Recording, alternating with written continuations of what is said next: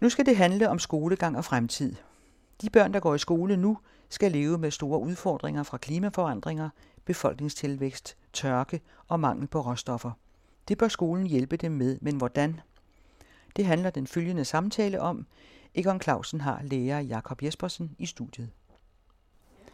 Når læreren ser ud over første B, så ser hun naturligvis lige her og nu en masse små poder. Men det er ikke hele historien.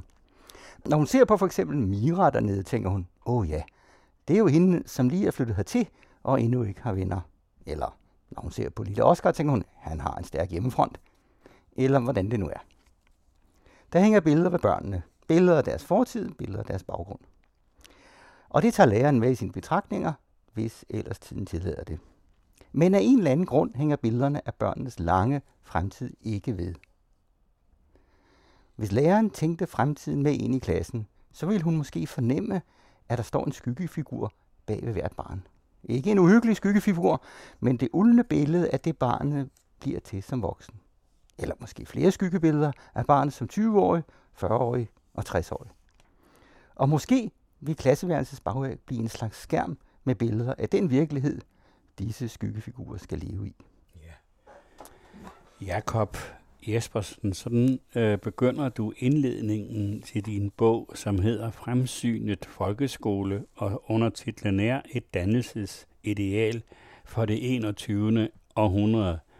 Og øh, man kan nok forstå, at når, når du læser det her højt, hvad det så egentlig er, du er ude på. Men du må godt lige sige det nu. Jo, altså ideen er jo, at, at hvis man som lærer står over for en skoleklasse, så står man jo i over for fremtiden i, i en eller anden bogstavelig forstand. Fordi skolen har mange formål, men ens formål er jo trods alt at, at kultivere og, og uddanne og kvalificere disse mennesker til øh, dels at viderebringe øh, noget af vores kultur og samfund, men også til at omskabe det. Altså, vi har jo mange prøver, men der, hvor dansen, skolen virkelig skal stå sin prøve, det er jo ude i fremtiden. Og hvis det er rigtigt, hvis det er der, kvalifikationer skal sættes i spil, så må vi også have dem for øje, når vi planlægger indholdet, strukturen, hverdagen, øh, kulturen i en skole. Men det er jo ikke tilfældet i dag. Du er selv lærer, og, og der står her på, på din bog, at folkeskolen øh, i det 21. århundrede afspejler den sunde fornuft fra det 20. århundrede, og det er hverken sundt eller fornuftigt. Det er korrekt. altså, vi har jo et, en virkelighed, en kultur, en tankegang, en samfundsstruktur, mm, et forbrug, et helt samfundssystem, som jo jamen, afspejler mange ting selvfølgelig i historierne. Meget af det selvfølgelig strækker helt tilbage til opløsningstiden, men meget af det øh, er jo formet af det, vi kunne kalde den store acceleration. Det, det er voldsomme ting, der skete efter 2. verdenskrig, hvor, hvor der lige pludselig var masser af ting og masser af ressourcer og masser af energi. Øh, vi kunne gå på vandet. Altså, det er jo den fornuft, kan man sige. Det, det er jo det, øh, som har skabt vores system. Det gør, at vi har brug for vækst, for eksempel. Det gør, at vi øh, masser af mennesker har luksus til ikke at tænke på, at der er noget, der hedder naturressourcer. De kan leve i en kulturel boble, i alle mulige bobler, jo, uden at tænke på, at der går ressourcer til, for de kommer bare. Det, der så er min pointe, det er, at den tid er slut. Hvis vi kigger efter, øh, og ikke lukker øjnene, det gør de fleste så, men hvis vi kigger efter, så ved vi det godt. Altså, termostaten står højt, og den kommer til at stå højere. Altså klimaet er ved at gå amok. Vi kan kigge ned i minerne, vi kan kigge ned i borgerne, de er alle tomme. Og vi kan kigge på affaldsbunkerne. Vi kan kigge på plastik i havet, vi kan kigge på artstab, som jo er voldsomt. Øh, vi kan kigge på miljøfremmede stoffer, vi kan kigge på øh, erosion af landbrugsjord. Det går den gale vej. Altså den sorgløse tid med masser af ressourcer i det forrige århundrede, den er død, og vi bliver nødt til at sætte den i øjnene.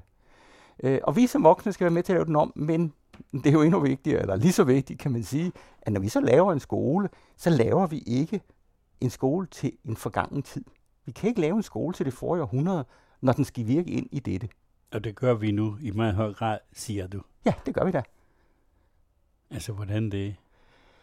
Vi lærer der børnene at lære, at de skal lære at, at skrive og have med tal at gøre og træffe beslutninger og sådan noget. Det er fuldstændig rigtigt. Men vi lærer dem jo ikke at forstå, hvor dybt integreret de er i den virkelighed. Vi betragter dem meget som enten som individer, eller som del af et menneskeligt fællesskab.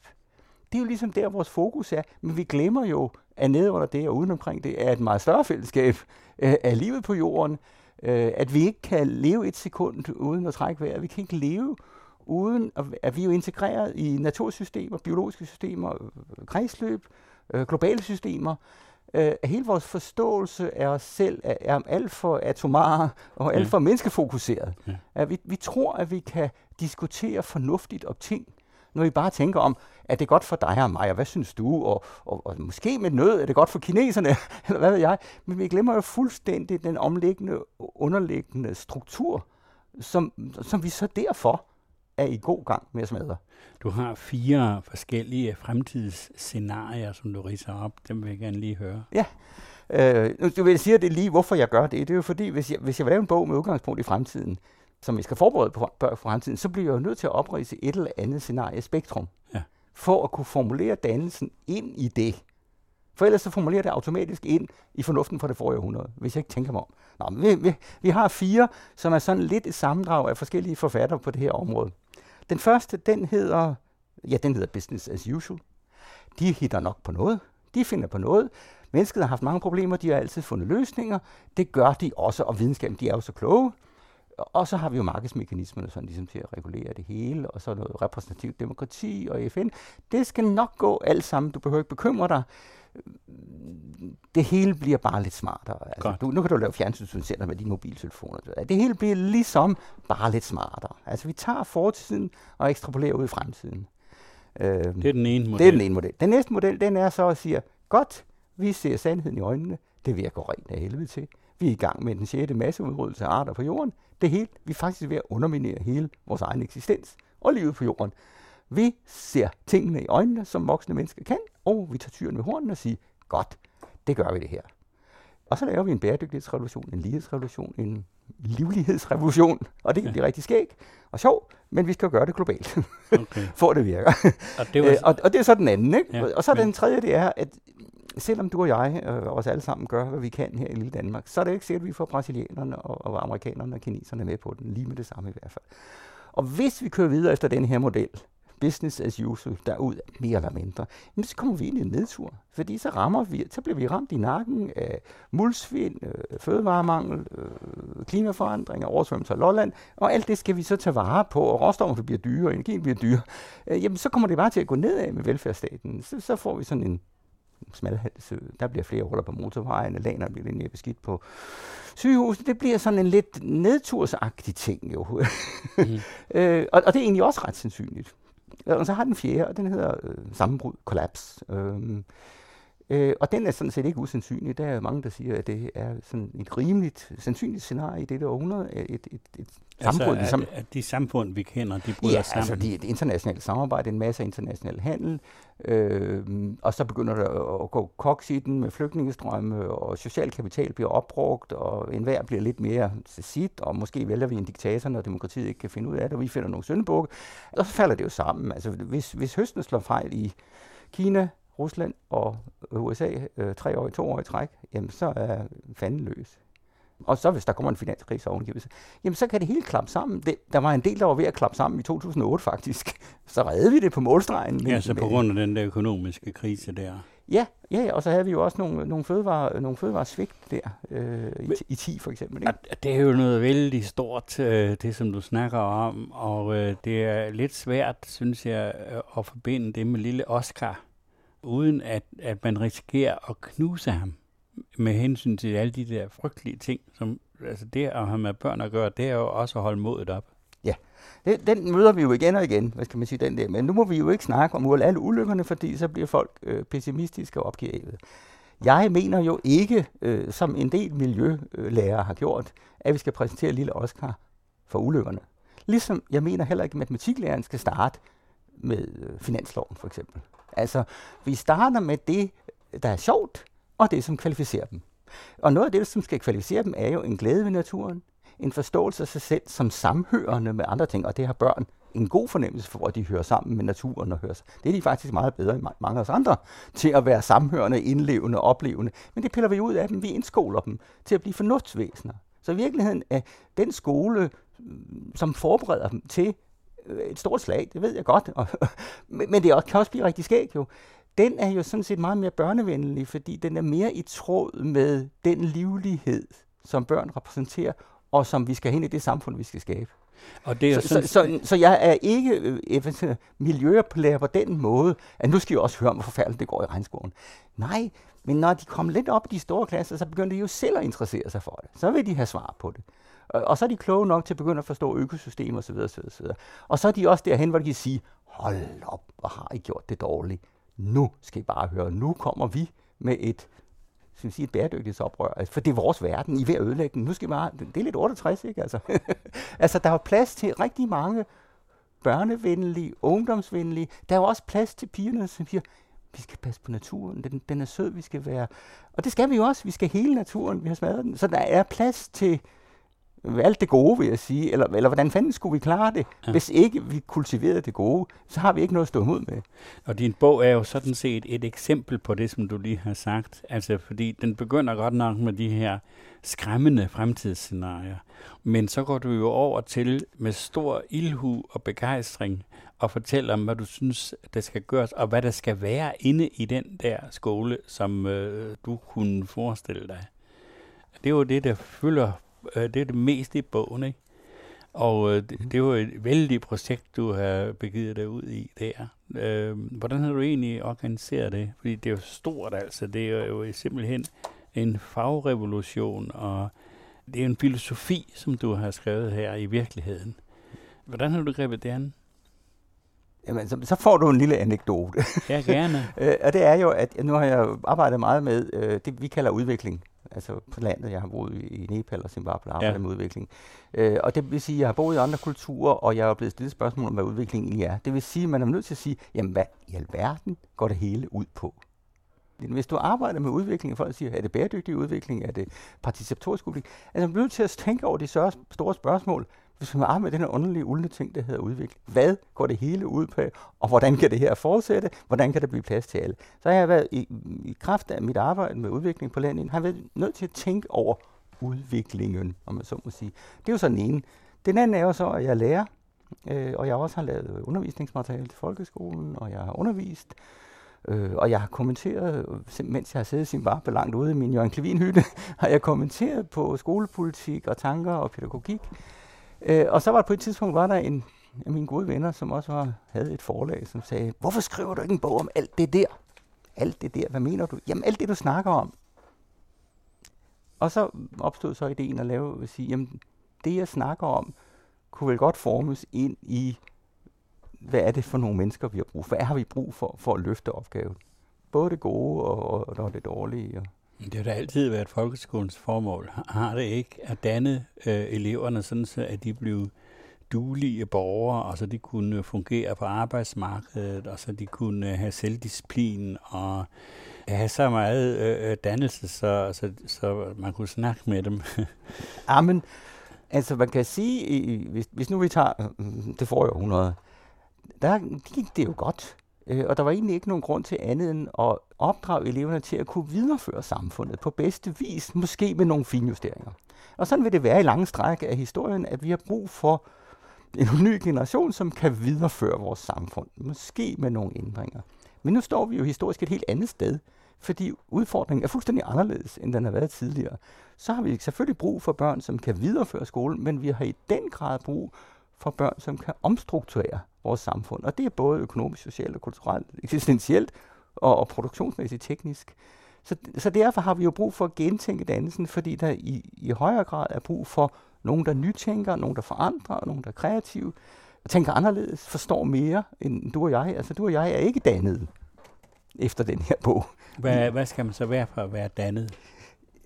Det er jo så kernen i bogen, og, ja, jeg, og jeg ved ikke, hvor meget jeg skal sige jo, om endelig, det. Ja, nu endelig. Jo, Altså, jeg har jo for at skære det ud i pap, så har jeg øh, lidt bevidst gjort det til fem grundsten, fem ja. fundamenter, fem bundgrænsepæle, der skulle hamres ned. Den første kalder jeg sted på. Jeg bruger ordet identitet. Det, det er spørgsmålet, hvem og hvem, hvad er jeg i forhold til verden? Og det tror jeg, det er afgørende for resten af ens tankegang. Man kan sige, at dannelsen er det landskab, hvor i tankegangen går, og senere bliver til bevidste tanker, og senere bliver til intuition. Jeg har fem og den ene kalder jeg stedbunden identitet. Det er, øh, hvordan er din forestilling om dig selv? Altså selvfølgelig, vi kender os. Jeg, jeg er dansker, det er en identitet. Øh, jeg mener, vi også har brug for en lokal identitet, en nær tilknytning til, til den faktiske virkelighed. Det er også meget børnevenligt. Til det faktiske demokrati, til den faktiske produktion, til den faktiske natur. For, for alvor at forstå med alle vores sanser og med vores intuition. Altså, hvad vil det være for lille Oscar? Jamen, det vil jo være, at, at når han starter, når han skal vide noget om historie, så starter historien naturligvis lokalt. Når han skal vide noget om så starter den lokalt. Den starter med lokale kort. Den starter med at forstå geografien, som den er organiseret, naturen, som den er, osv. osv. Når han skal lære om demokrati, så starter det med, at han interesserer sig. Han skriver måske et brev til borgmesteren, eller klassen gør. Øh, jeg mener også, at børn er en stakeholder, interessant i, i, i demokratiet, og skal have en plads det er jo der, virkeligheden er. Øh, meget af skolen er jo andenhåndsviden. Øh, og, det synes børn faktisk er rigtig træls. De vil rigtig gerne have førstehåndsviden. De vil Godt. lugte, de vil smage, de vil gøre ved. Og som jeg plejer at sige, hvis, hvis elastikken skal strækkes langt, nemlig Oscar skal også blive en global borger. Global solidaritet, global forståelse. Han skal også sige, jeg er verden. Ja. Jeg, så skal elastikken slås godt fast, altså i hans lokale miljø. Godt. Det var så den første det er den første, ja.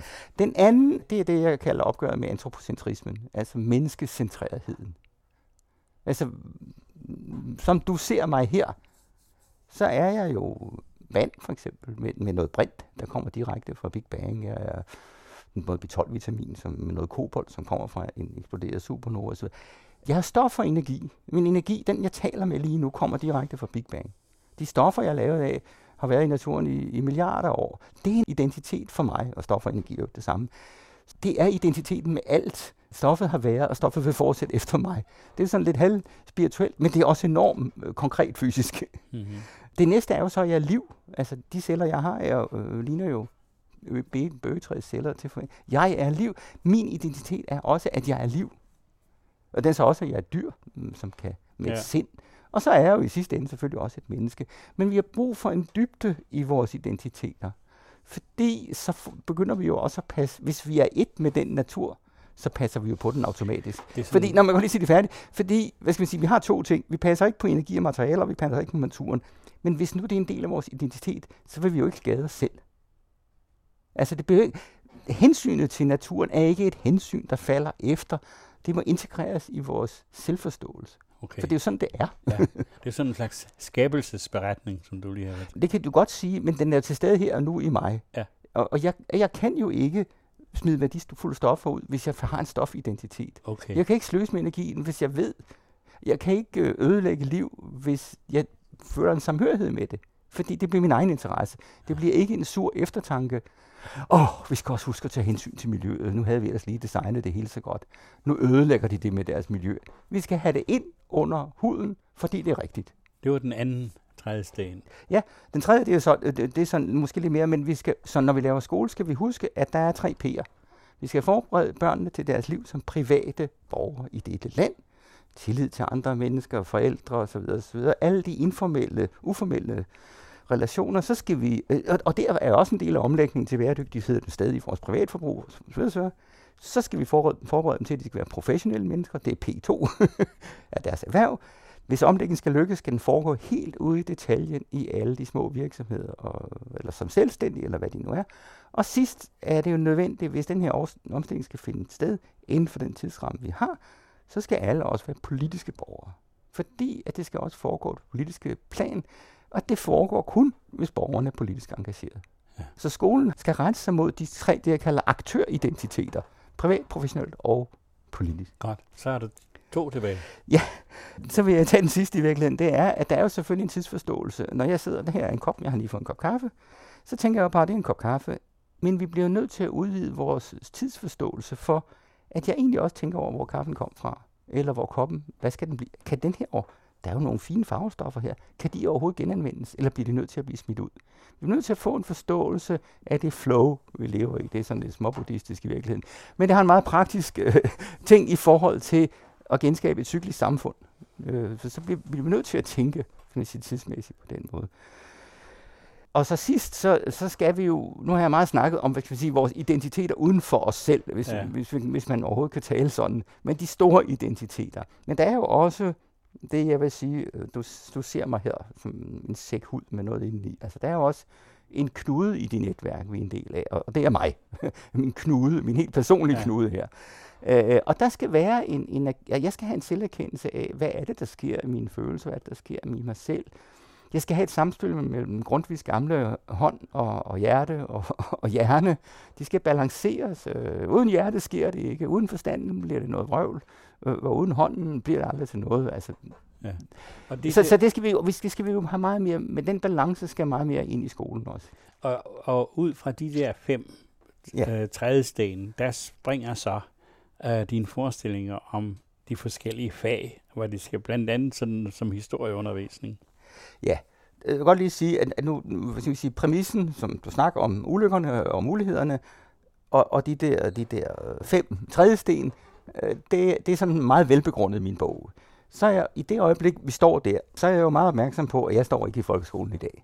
Altså den, den praksis, der skal udvikles, er jo en, der skal udvikles bredt med lærerne, øh, med eleverne, børnene osv., osv. forældrene osv. osv. Men så, så, så den sidste, jeg har lavet nogle sider der, 30 sider til sidst i bogen, hvor jeg sådan siger, jamen det kunne betyde det og det. For eksempel, nu nævner du historie. Jeg havde en bog, der hed Verdenshistorie i skolen, og hvad handlede den om? Den handlede om en art, Homo sapiens, siden den begyndte at dyrke landbrug. Stort set. Det er jo ikke en verdenshistorie. Verden startede for 3,5 milliarder år siden, og den er i mig. Jeg består jo af den verdenshistorie, som du også nævnte. Øh, øh, så, så hvis vi skal opbygge de der større identiteter, så må det jo afspejles i fagets historie, for eksempel. Altså historie er den store historie, eller deep history, som jeg snakker om nu. Ikke? Fordi det er jo vores, det er jo vores familie. De andre dyr og planterne er vores familie. Øh, energien er det samme. Stofferne er vi selv lavet osv. Så, og det, det kan jo afspejles ind i, fordi historie er identitetsskabende. Hvem og hvad er jeg? Ja, netop. Det er derfor, det er interessant. Ja, så er det jo interessant. Og, og, og det, på den måde kan du jo gøre, man kan ligesom tænke det igennem i mange fag. Og sige, hvad betyder det så helt praktisk? Helt ned i, hvad vi siger. Men historie er jo også historier. Og, og, og det er jo en af, af, af årsagerne til, at det fascinerer både børn og voksne, at der kommer en god fortælling. Ja. Og sådan en god fortælling indebærer jo som regel, mener jeg, det kan godt være, at jeg fejl, noget menneskeligt. Der er nogen, der fejler, der er nogen, der kommer i øh, knibe, der er nogen, der bliver reddet, der er, nogen, der er en orden, som bliver forstyrret, og så bliver den genoprettet, og så kan vi gå hjem. Altså alle de der sådan, øh, forløb, hvor, hvor, der, hvor der næsten altid er, en eller anden konflikt, som bliver løst. Det er historien. Det er, det er, histori- det er fortællingen. Det er den, der griber os. Det er det, vi husker. Og hvis man omsætter det til for eksempel øh, biologi, en biologisk fortælling, hvor celler mødes og så videre, ikke? Ja. så bliver cellerne, tror jeg, i fortællingen også til en, de bliver også menneskeliggjort på en eller anden måde. Jeg tror, det er vigtigt, øh, at jeg tror, at altså selvfølgelig er mennesket et socialt dyr, og selvfølgelig elsker vi fortællinger om andre mennesker om spejler os selv, og vi kan høre, hvad de tænker osv. Netop. Men det er vigtigt at huske på, at vi har en anden identitetsstruktur også med den ikke-menneskelige verden, den store verden, alle de andre, som jo, hvis du, mennesket er jo fascinerende, men der er jo ikke noget så fascinerende som at kigge ind i øjnene på en tiger. Altså, det ikke-menneskelige har en særlig magisk fascination, som det menneskelige ikke har. Det menneskelige er hyggeligt, rart, dejligt, kærligt osv. osv. Men magien, mystikken, det spirituelle ligger tit udenfor i det, der er mig og dog forskelligt. Altså derfor er kosmologien for mig også en stor og spændende fortælling. Men det er jo sjovt at sige, livets, verdens kreativitet, hvor kommer det fra? Det kommer fra mange ting. Det kommer jo fra menneskets øh, tiltrækning og frastødning af hinanden. På samme måde som kreativiteten i naturen jo kommer af spændinger, positiv og negativ, mellem selv partikler. Altså, der er en stor, fantastisk fortælling, som ikke er fortællingen om det lille menneske, mennesket som menneske, men om det store menneske. Fordi så er det jo også vores fortælling, eller hvad skal man sige. Og så har du da ret i det andet, altså vi er jo også sociale aber og så videre, så, videre, så, så skal vi også lave fortællinger om mennesker, men det er vigtigt, at vi ikke lukker os om mennesket. Og nu er vi over litteraturen, og det synes jeg, den i høj, høj, høj har gjort. Altså, litteraturen har været domineret af menneskets skærmysler med hinanden, og det er jo selvfølgelig sjovt. Men, men vi må sige det samme om litteraturen, der er der masser af forfattere, især poeter jo, som trækker det andet ind. Altså glæden ved farverne, glæden ved naturen, glæden ved stjernehimlerne, det magiske. Kosmos-historien er skrevet som en stor fortælling af en amerikansk kosmolog. Så, så jo, selvfølgelig skal vi kultivere det mellemmenneskelige. Vi skal skuldre de her problemer sammen. Vi skal respektere hinanden osv. Men, historie... Men vi skal have det andet med også i litteratur og i historie. Det er vigtigt, det er det andet ben nu, som hedder det ikke-menneskelige. Så er der et andet plusord, som du bruger, og det er kreativitet. Du har lige brugt det også. Og det kan man jo høre, det er vældig godt. Hvorfor det? ja, men, det, men det, det tror jeg, jeg har sagt, fordi vi, hvis vi siger, at vi er i en periode, hvor vi ikke skal finjustere vores samfund. vi er i en periode, hvor vi skal til at omstrukturere vores samfund. Øh, og det er ikke bare kollektiv trafik, det er ikke bare en teknologisk omstilling. Det er en meget dybere liggende, det er også en social-kulturel, det er det økonomisk teori, og det er også eksistentielt. Ja, altså, men det er noget med kreativitet at gøre. Ja, og fordi det skal jo føres ud i en praksis i alle led den måde, vi taler sammen, den måde, vi organiserer os på, den måde, vi driver virksomheder på, den måde, vi driver stat på, den måde, vi transporterer os på. Øh, der skal jo nyskabes på en masse områder. Og det er jo rigtig fedt. det må men, jo være guld for ungdommen. men, men kreativitet, det er vel egentlig sådan et rigtigt 68 ord. Fordi det er jo i sin grund anti-autoritært. Og hvis, hvis menneskene i den her, med over for de her udfordringer, i fællesskab skal løse nogle store opgaver, så er der altså nogen, som også skal gøre det, for det, de får besked på. Så skal de ikke alle sammen rende rundt og være kreative. Så blomstrer det simpelthen alt for vildt, og der bliver ikke lavet noget. Ja, det er jo, det er jo som kan man sige, det lyder meget anarkistisk. Øh, det er jo klart, altså, nu har jeg levet et helt liv, hvor jeg har haft lyst til at være kreativ, men det passer mig fint at være kreativ inden for nogle rammer, for eksempel nogle sektoriske rammer. Når jeg, siger, ja, det er helt, jeg kan også lide at være kreativ sammen med andre mennesker, men til det fælles bedste. Så det er jo ikke en, øh, det er jo ikke en, en, en snæver individualistisk kreativitet. Det er jo lige så meget en kollektiv kreativitet. Altså, øhm, ja, det afspejler lidt det samme, kan man sige, en, en, en, en menneskecentrerethed. Lige så meget som vi er egoistiske dyr, er vi jo enormt sociale dyr. Så vi, det, det er jo noget af det sjoveste at være kreativ sammen med andre, kan man sige. Mm. Så ja, jeg ved godt, at der er nogen, der kan være lidt for kreativ, men, men det er jo en anden historie. til den dannelse, eller til det dannelsesbegreb, som du arbejder med, der vil jeg så spørge dig, spiller kommunikation mellem mennesker, er det en del af de opgaver, som, eller det, det noget af det, man skal lære for at blive rigtig dannet?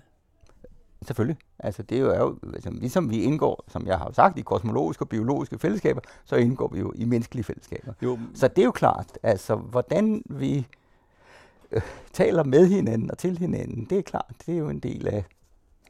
Jo, men det virker jo nu som om, at det er noget, der er ved at gå i stykker for øjnene af os. Mm. Den mhm. der øh, mu- mulighed eller evne til at, at tale sammen. Og det er jo blandt andet på grund af de øh, sociale medier, hvor folk jo kan svine hinanden til med stor lyst, åbenbart, mm. og med, med en, efter min mening en meget, øh, et meget destruktivt øh, resultat, fordi den offentlige samtale, det lyder meget flot, men den der debat, som helst skulle foregå i samfundet, den går i stykker, fordi der er simpelthen for meget snavs øh, ja. i den. Og det er jo så et spørgsmål om, at ikke man i skolen skulle lære øh, eleverne og øh, kommunikere, for jeg tror, at mange af dem, der skriver på, på de der på Facebook, at de er egentlig ikke klar over, hvad det vil sige at kommunikere skriftligt. De skriver noget, som de ikke kunne få sig selv til at sige øh, over for et andet menneske, hvis de stod over for, med mindre de der var dødrukne. Og det er måske noget, som skal læres, og hvis ikke man får lært det, så vil alle de her ting, som du har talt for, de kan ikke lade sig gøre, fordi det mm. drukner i det postfaktuelle samfund, hvor enhver har sin egen viden, som er lige så god som alle mulige andres. Og sådan er det jo ikke i virkeligheden. Nej. Men sådan bliver virkeligheden tit fremstillet, sådan bliver politik bliver præget af det der. Det, ja. det er derfor, jeg synes, at kommunikation må være en meget vigtig del af det der dannelse, som skal foregå i Oscars, lille Oscars skole. Ja, selvfølgelig har du ret i det, der skal sikkert være nogle regler for, hvordan man gør. Men jeg tror, det er vigtigt at grave ned under og sige, hvorfor gør folk det her? En af de ting, jeg i hvert fald gerne ser introduceret i skolen, det er, vi skal lære om os selv. Altså, vi skal lære om vores følelser, vi skal lære at styre os selv, øh, fokusere os selv. Vi skal lære om en del af de uhensigtsmæssige, den, en af den, den uhensigtsmæssige bagage, vi har emotionelt i os, for eksempel. Altså, racisme er jo ganske naturligt for os. Der er meget, vi skal lære om, hvorfor det er, og vi skal lære at styre det. Fordi øh, vi har jo alle sammen anlæg for at, at, at pege fingre af de andre. Vi har alle sammen anlæg for at blive have lyst til at skille ud osv. osv. Men vi skal forstå, hvor det kommer fra, og vi skal nu ved at tiden løber, vi skal sige lidt kort, så skal vi lytte lidt mere til Dalai Lama og Gandhi. Ja. Altså vi skal lære at sige, nå, jamen, det er jo da synd for ham, at han er så vred. Eller, altså, vi bliver nødt til at, vi bliver nødt til at forstå de der ting i os selv. Altså, det vil sige, at skolen skal gøre noget, som den ellers ikke gør ret meget. Den er lidt, skal være lidt mere terapeutisk, om man så må sige. Den skal gå ind i, at mennesket skal kende sig selv. Det, det har vi ligesom hørt før jo, men, men det er rigtigt. Og vi kan se, at, at elever kan jo heller ikke lære noget, hvis ikke de kan styre deres følelser. Tror du, at, for, at forældre de vil købe det der budskab, som du nu har siddet her og taler så varmt for?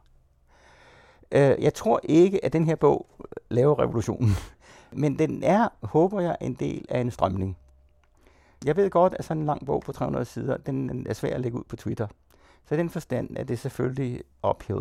På den anden side må vi også sige, at det begynder at sive igennem. Når jeg snakker med mennesker rundt omkring, også forholdsvis almindelige mennesker, og kommer ind på det, så siger de, ja, det kan altså godt være, at det bryder sammen i det her århundrede. Altså, det er ved at sive ind. Socialdemokratiet kan ikke vælge en valgkamp på at gøre gode tider bedre nu. Det er ved at sive ind, også med finanskrisen. Det er måske ikke så godt et system. Måske er der noget rigtig ravrusk rivende galt. Og, og det hjælper, når vi selv får stress, så forstår vi måske, at, at det, globale samfund også får stress, måske, at der kommer mange flygtninge, og at naturen får stress. Det vil sige, at jeg tror, at vi er på vej den vej. Og nu har jeg skrevet det for folkeskolen. Jeg så gerne, at nogen fra kirken skrev det for kirken, og nogen skrev det for metalindustrien. Så vi kunne få det der fælles træk, øh, fordi vi skal høre det mange gange og fra mange sider. Og det er en voldsom mental om, omvæltning, altså en voldsom tankemæssig om, omstilling. Men tiden er med os, der kan bare ikke gå for lang tid, fordi så er det for sent. det, det er så problemet jo. Men når man ser på, altså, hvordan øh, politikere, også lokalpolitikere, agerer i, i over for de udfordringer, som øh, folkeskolen står overfor, så er det ikke sådan noget, det gør. Så farer de jo afsted til New Zealand, og de farer afsted til, nu er det Canada, og ja. for to år siden var det Finland. Ja. Og det virker som om, at de øh, er en lille bitte smule desperate, og der bliver jo lavet den ene hovedløse forbedring, siger de, altså forandring efter den anden. Og det virker også, som om der gå panik i systemet, mm. men, men den bevæger sig ikke i den retning. Det, der, jeg kan ikke se ret mange tegn på, at det er den retning, som du peger på. Det er tværtimod det er flere prøver, og det er flere karakterer, og der er nogen, der ønsker tilbagevenden til noget, som ikke nogen af os ønsker at tænke på. Det er ligesom de stærke tendenser. Så øh, du er i øh, modvind. Jamen, jamen, det er jeg, men, men jeg tror, vinden er ligesom ved... Øh, altså, der er jo forskellige folk, som har læst min bog, og som, altså, som sidder højt op og siger, jamen, det er jo det, vi har brug for.